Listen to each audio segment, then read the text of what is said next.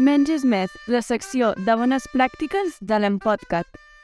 Del menys és més, avui volia parlar d'una altra recomanació que fa l'Essential, que ens explica el, la no indicació de forma sistemàtica del tractament broncodilatador en casos d'insuficiència cardíaca congestiva, quan els pacients es presenten doncs, amb disni, amb tos i amb sibilàncies.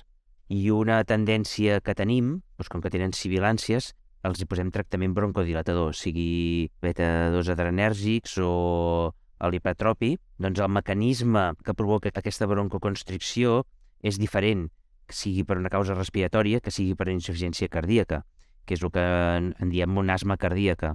El mecanisme fisiopatològic és diferent. El de l'EPOC i el de l'asma és una inflamació i una contracció de la musculatura de la via respiratòria i, per tant, els broncodilatadors funcionen. En canvi, en l'asma cardíaca, això es provoca per un augment de la hipertensió venosa pulmonar, que fa una congestió pulmonar, hi ha una constricció reflexa de, de la via respiratòria i fa sibilàncies també. I això, per més broncodilatadors que li posis, doncs no milloren. Inclús hi ha alguns estudis que diuen no, que, que provoques algun tipus de cardiomiopatia, augmentes el risc d'hospitalització per arrítmies cardíaques i no sembla beneficiós. Sí que haurien d'intentar diferenciar si la sintomatologia que té de disnia, tos i sibilàncies és més per donar asma cardíaca o és per la seva malaltia de base, d'EPOC i asma. Perquè sí que ho veiem, això, eh? Veiem que entre un 15 o un 20% de tots els pacients que venen a urgències per una insuficiència cardíaca congestiva i que presenten sibilàncies, els hi posem broncodilatadors i de, moltes vegades de forma simultàniament, salbutamol i hipertropi.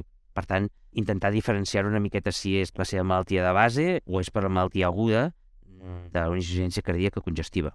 Per tant, la recomanació final de l'essència, el que és del desembre del 21, és no fer servir de forma sistemàtica tractament broncodilatador en els casos d'insuficiència cardíaca congestiva que venen urgències i que presenten doncs, sibilàncies, dísnia i tos.